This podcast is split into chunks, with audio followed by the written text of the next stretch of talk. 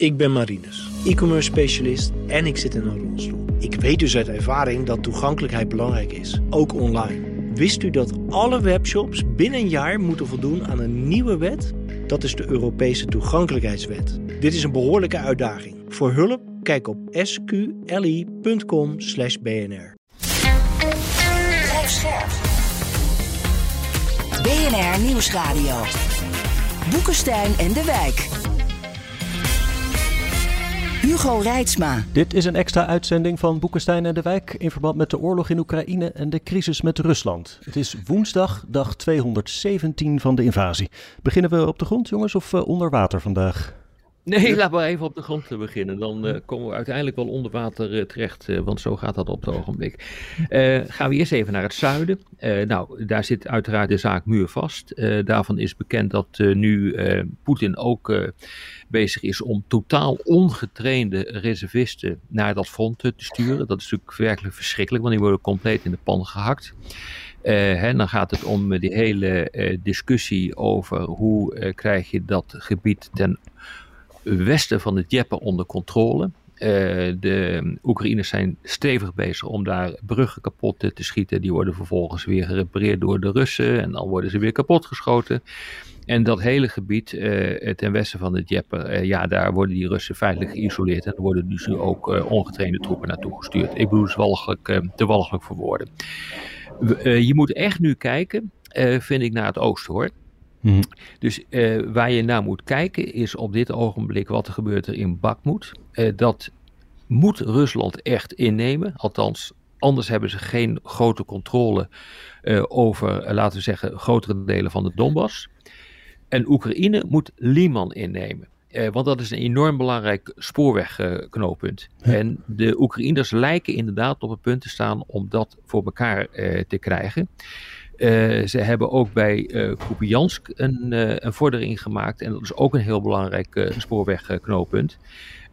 en dat moet je hebben om ervoor te zorgen dat de Russische troepen niet bevoorraad kun, kunnen worden. Dus dat is denk ik op dit ogenblik het allerbelangrijkste waar je naar moet kijken. En Peskov heeft vandaag gezegd, dat is interessant hoor, wij moeten minimaal de Donetsk-provincie veroveren. Dus Lugansk hebben ze voor een groot gedeelte, hebben ze dat al, maar er wordt aan geknabbeld hè. Ja. En, en, wat er dus nu gebeurt is precies wat Rob zei, er worden dus nu onervaren Russische jongens de dood ingejaagd daar. Ja. Dat is wat er aan de hand is. Ja, nou, dat is interessant dat Peskov uh, dat zegt en dat, dat, dat past ook in het beeld dat zij in ieder geval Bakmoed onder controle moeten krijgen. Ja. Het is toch verschrikkelijk. Betekent overigens wel dat er dus helemaal geen aanspraken meer zijn op andere gebieden. En Gerson wordt helemaal niet genoemd door Peskov. Hè? Nee, dat maar is daarvan is bekend uh, uh, dat, dat dat feitelijk door, uh, door de generaals is opgegeven. Maar dat Poetin heeft gezegd van Hm. we gaan door. We, we, geven je geen mogelijkheid om je terug te trekken. Jongen, jongen. Ik sta te popelen om van de grond naar het water te gaan. Doe dan maar. Tja, Wat, wat, wat maken we mee? Nou, even kijken wat er gebeurt is, hè, jongens. Er is dus een, eh, bij de Nord Stream, eh, alle twee zijn dus leaks. Hè. Het gaat om drie leaks. Dat betekent dat het dus niet toevallig kan zijn. Dat is heel duidelijk sabotage. Ik had verwacht dat de Russen, jongens, nu natuurlijk weer een samenzweringstheorie erin hadden gegooid. Weet je wel, via de trolls. Dat ze gezegd hebben, ja, dat hebben de Amerikanen gedaan. Dat hebben ze ook gedaan. Dat hebben ze Ja. gezegd. Ja, hebben maar, maar, maar het heeft niet zoveel tractie op Twitter of Nee. zo. Hè? Want dat, is, Nee. dat vind ik interessant. Hè? Nou, laten we eerst maar die vraag eh, behandelen. Wie heeft het gedaan? Rob, wat denk jij? Nou weet je, ik vind, jij mag, mag er een antwoord op geven, maar ik geef er geen antwoord op. Kijk, ik eh, heb één ding geleerd in dit soort situaties. Als je het niet weet, in een oorlogssituatie, dan moet je niet over speculeren. Die moet je echt heel erg zeker weten.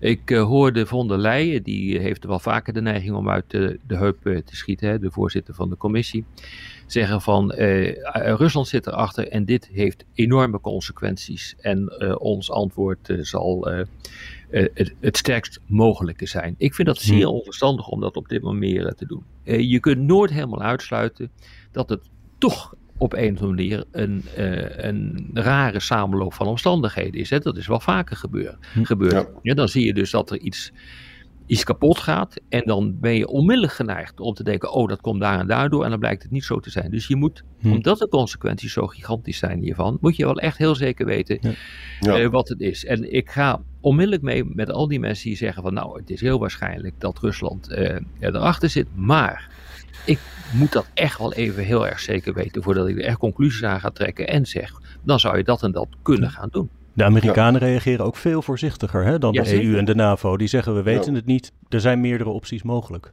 Ja, ja exact. exact. En realiseer je dat uh, de CIA die heeft in juni al een, uh, een, een, waarschuwing doen uitgaan.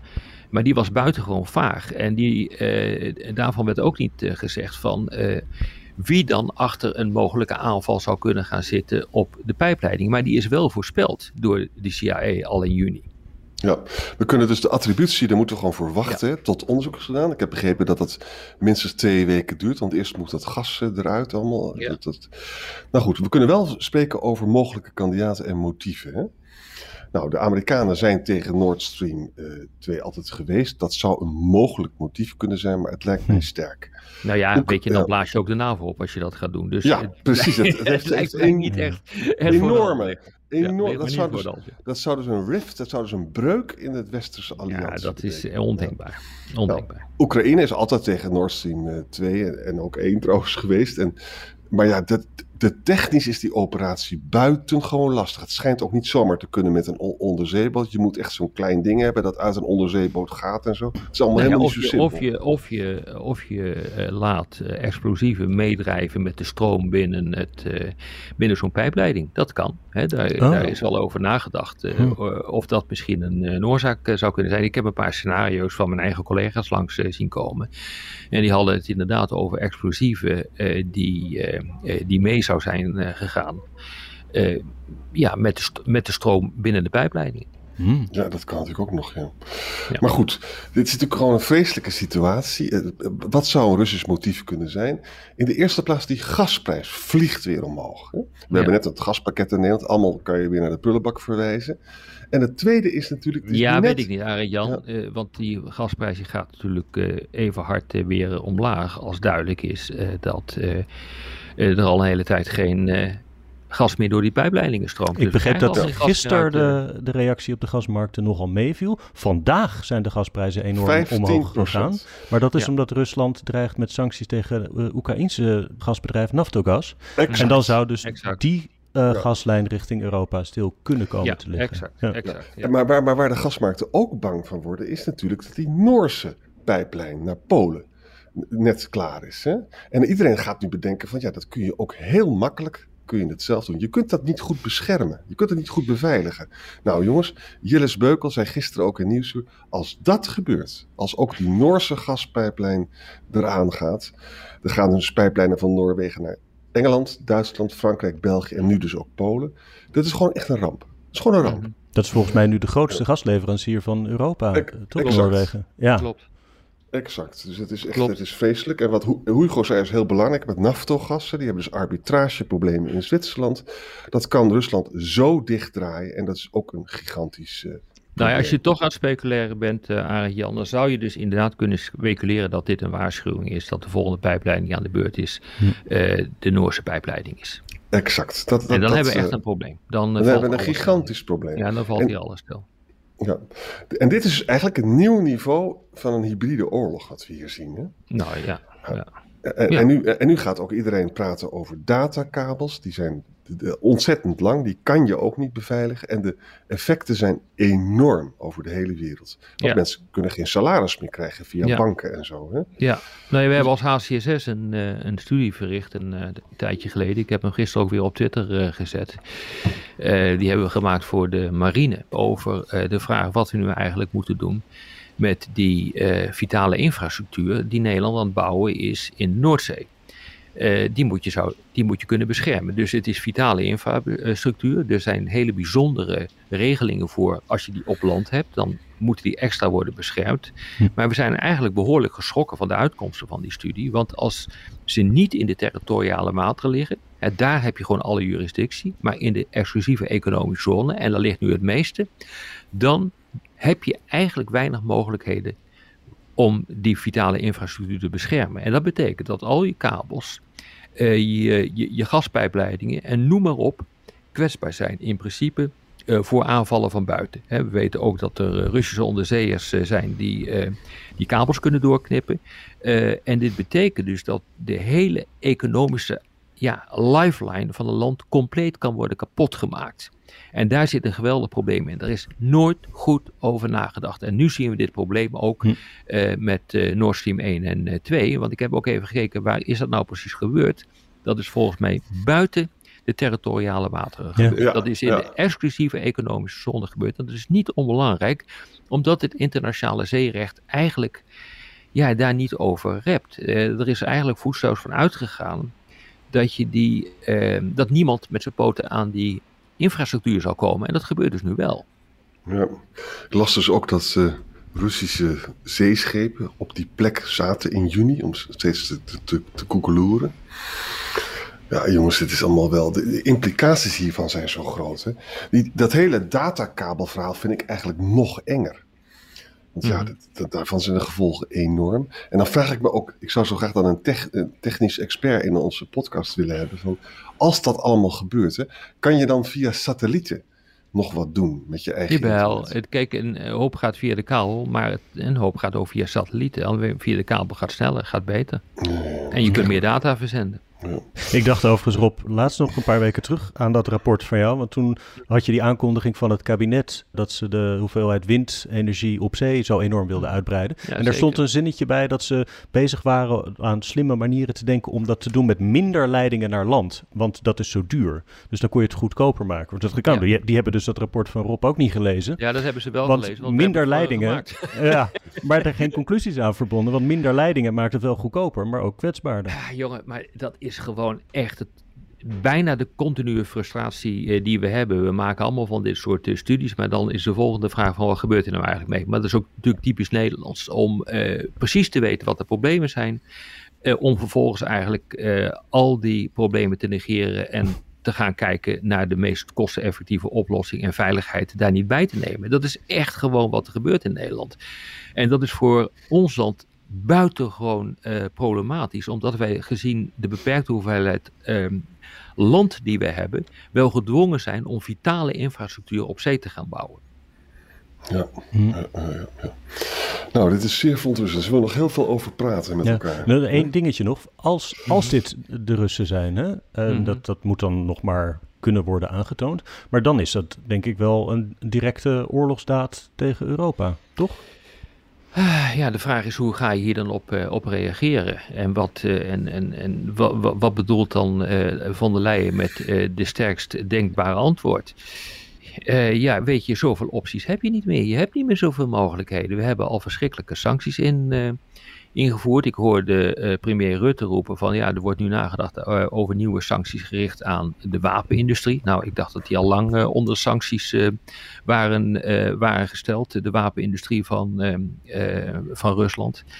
jongens, je hebt niet zo gek veel, hm? veel mogelijkheden meer open. Zou het Over... een artikel 5 situatie zijn? Nee, dat kan niet. Daarom is het zo van belang om te weten waar dat precies heeft plaatsgevonden. Dat had gekund als Rusland 100% zeker erachter zat. Hmm. En het, heeft, en het had uh, plaatsgevonden binnen de territoriale wateren van bijvoorbeeld Denemarken. Dan had dat gekund. Maar volgens mij, maar dit is, uh, de juristen zullen daar ongetwijfeld uh, heel genuanceerd over denken. Maar voor zover ik het kan zien met mijn niet-juridische achtergrond, denk ik dat dat niet kan.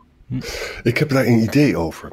Dus één keer is die artikel 5, die bijstandsclausule, ingeroepen. Dat was 11 september. Hè? Ja.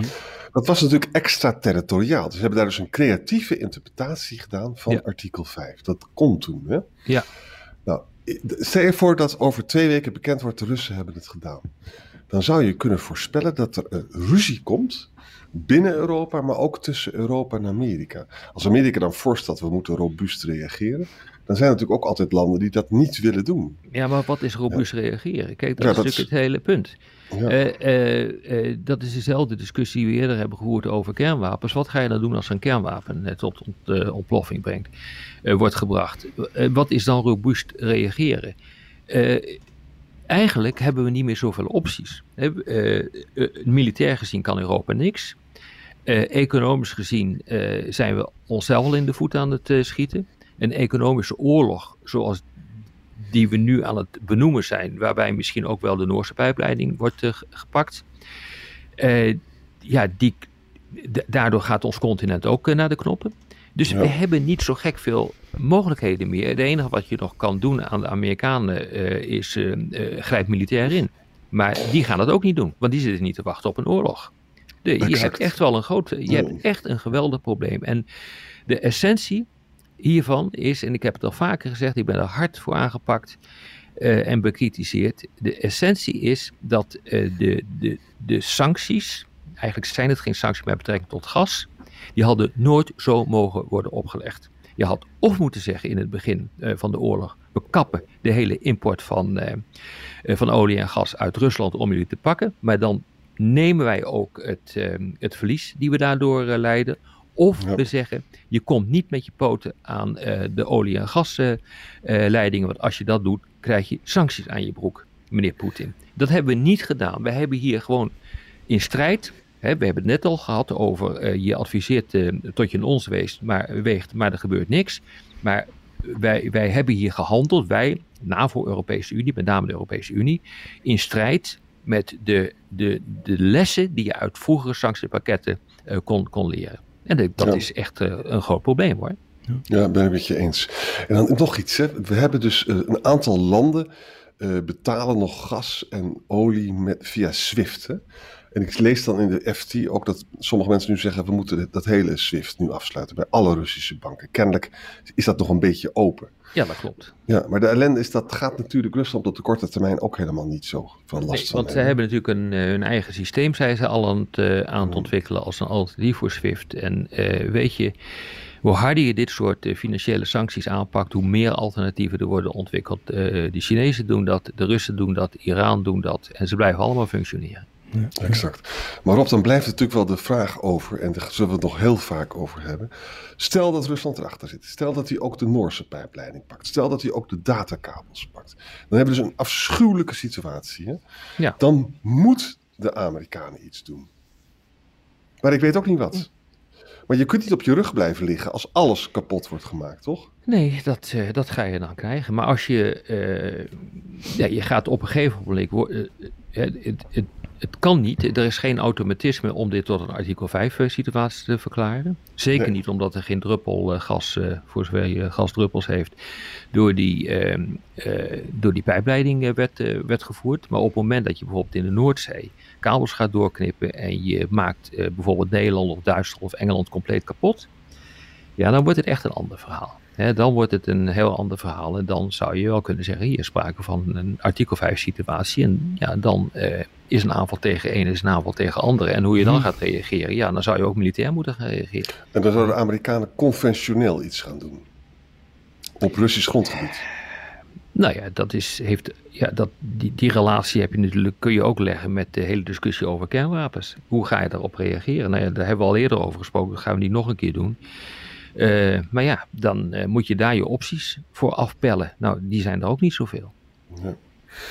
No. No, no. Arjan, je had nog iets over Engeland en Italië. Is dat misschien vrolijker om... Uh, ja, ik, laten we even beginnen bij Italië. Dat is toch werkelijk heel saillant. Er staat in El País deze morgen... Draghi heeft Meloni hulp aangeboden om haar diplomatiek in Brussel te helpen. -huh. Onder twee voorwaarden. Ze mag het herstelplan niet aanpassen. Dan gaat het vooral, vooral voor die mededingingswet die ze aan het slopen is. Hè. En ze moet Oekraïne blijven steunen. En wat er ook in staat, Salvini krijgt, wordt waarschijnlijk transportminister. Dat is een ernstige, dat is niet een al te zware uh, baan met veel prestige in Italië. Dus dat zal dus de ruzie tussen mevrouw Meloni, de succesvolle Meloni, en de verliezer Salvini alleen maar sterker maken. Hm. Nou, spannend hè? En dan nu naar Engeland. Engeland, jongens, het is ongelooflijk wat hier in de hand is. Weet je nog, met uh, Draghi, whatever it takes. Hè? En weet je nog de spread, hè? weet je het verschil tussen de Italiaanse rente en de Duitse rente? Nou, er is nu gewoon, uh, iedereen verkoopt Britse bonds. Nou, wat zit er aan de achter? Zit erachter? Quasi Kwarteng heeft dus gezegd: ik ga gewoon lekker nog veel meer geld lenen. Ik ga de belasting verlagen. Nou, pond is in elkaar gedonderd. De rente stijgt. En nu heeft dus de Bank of England gezegd van what Whatever scale is needed, we will buy long-term gilts. Dat wil zeggen dus lange termijn bonds. Dus we Mhm. hebben gewoon een kunstmatige monetaire oplossing voor een hele ernstige situatie. Het IMF heeft ze ook op de vingers getikt, hè? als waren het Ja. een ontwikkelingsland, zeg maar. Ja, pensioen, pensioenfondsen in Engeland, hè, die zijn met die margin calls bezig. Ik zal het maar niet uitleggen. Maar die verkopen dus nu ook Britse staatspapieren. Omdat ze er gewoon last van hebben. Ze hebben geen bescherming meer tegen inflatie of het renterisico. En, en hoe komt dit nou, eh Arend-Jan? Is het nou eh, een, eh, een gevolg van de brexit? Is dit een gevolg van de gierende inflatie als gevolg onder andere de oorlog in Oekraïne? Is het een combinatie? Wat is het? Is het incompetent Beide. bestuur? Is dit... Het is het beide. Om, om te beginnen, al die, tijdens al die verkiezingsdebatten hebben ze nooit de waarheid over Brexit verteld. Ze hebben ook trouwens nooit iets gezegd over de geopolitieke situatie. En vervolgens hebben ze dus de Thatcheriaanse kaart uit de achterzak getrokken. We gaan de belasting verlagen en we gaan gewoon meer lenen. Dat laatste zou Thatcher natuurlijk niet doen. Nou, iedereen weet als je dat doet, als je dus ons, de belasting gaat verlagen terwijl je heel veel geld nodig hebt en dat moet lenen, dan gaat het pond dalen, dan moet de rente stijgen en dan krijg je dus een bond, eh, een obligatiecrisis. Het is onvoorstelbaar wat hier gebeurt. Ja. Het is echt on... En een enorm prestigeverlies hè, voor de Brexiteers. Dus het is Dat is gezellig in Europa. ja. Het is echt Ja. ongelooflijk. Nou, hebben we nog meer van dit soort eh, gedoe, jongens? Of eh, denken we nou... Eén heel klein dingetje. Alleen Rusland, Syrië en Noord-Korea zullen die nieuwe eh, Donetsk People Republic en de Lugansk People Republic erkennen, staat in Mhm. The Guardian. Hè? En, je, en vandaag zijn dus de leiders daarvan naar Moskou gegaan. En ik, ik geloof 4 oktober komt die federatieraad bij elkaar. En dan kan dus Mhm. de annexatie worden gedaan. En de, en de opkomstpercentages en de goedkeuringspercentages zijn krankzinnig hoog. Het is allemaal onzin. Het is allemaal onzin. Nou ja, even afgezien daarvan. Ik bedoel, ik ben helemaal niet geïnteresseerd eh, in, de percentages. Eh, het is een beetje alsof eh, wij Nederlanders aan Vlaanderen gaan vragen. Geef even aan bij welk land wil je horen? Bij België of bij Nederland? Dat, dat, wij hebben helemaal het recht niet om zo'n referendum te organiseren. Dat slaat helemaal nergens op. Ik bedoel, je kan, je, je kan overal een re- referendum over gaan organiseren.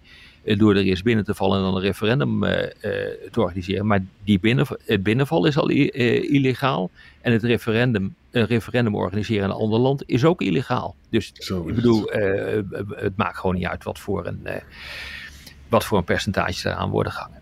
Zo is het. We zien elkaar morgen, jongens. Doen we. Oké. Ik ben Marinus, e-commerce specialist en ik zit in een rolstoel. Ik weet dus uit ervaring dat toegankelijkheid belangrijk is, ook online. Wist u dat alle webshops binnen een jaar moeten voldoen aan een nieuwe wet? Dat is de Europese toegankelijkheidswet. Dit is een behoorlijke uitdaging. Voor hulp, kijk op sqli.com/bnr.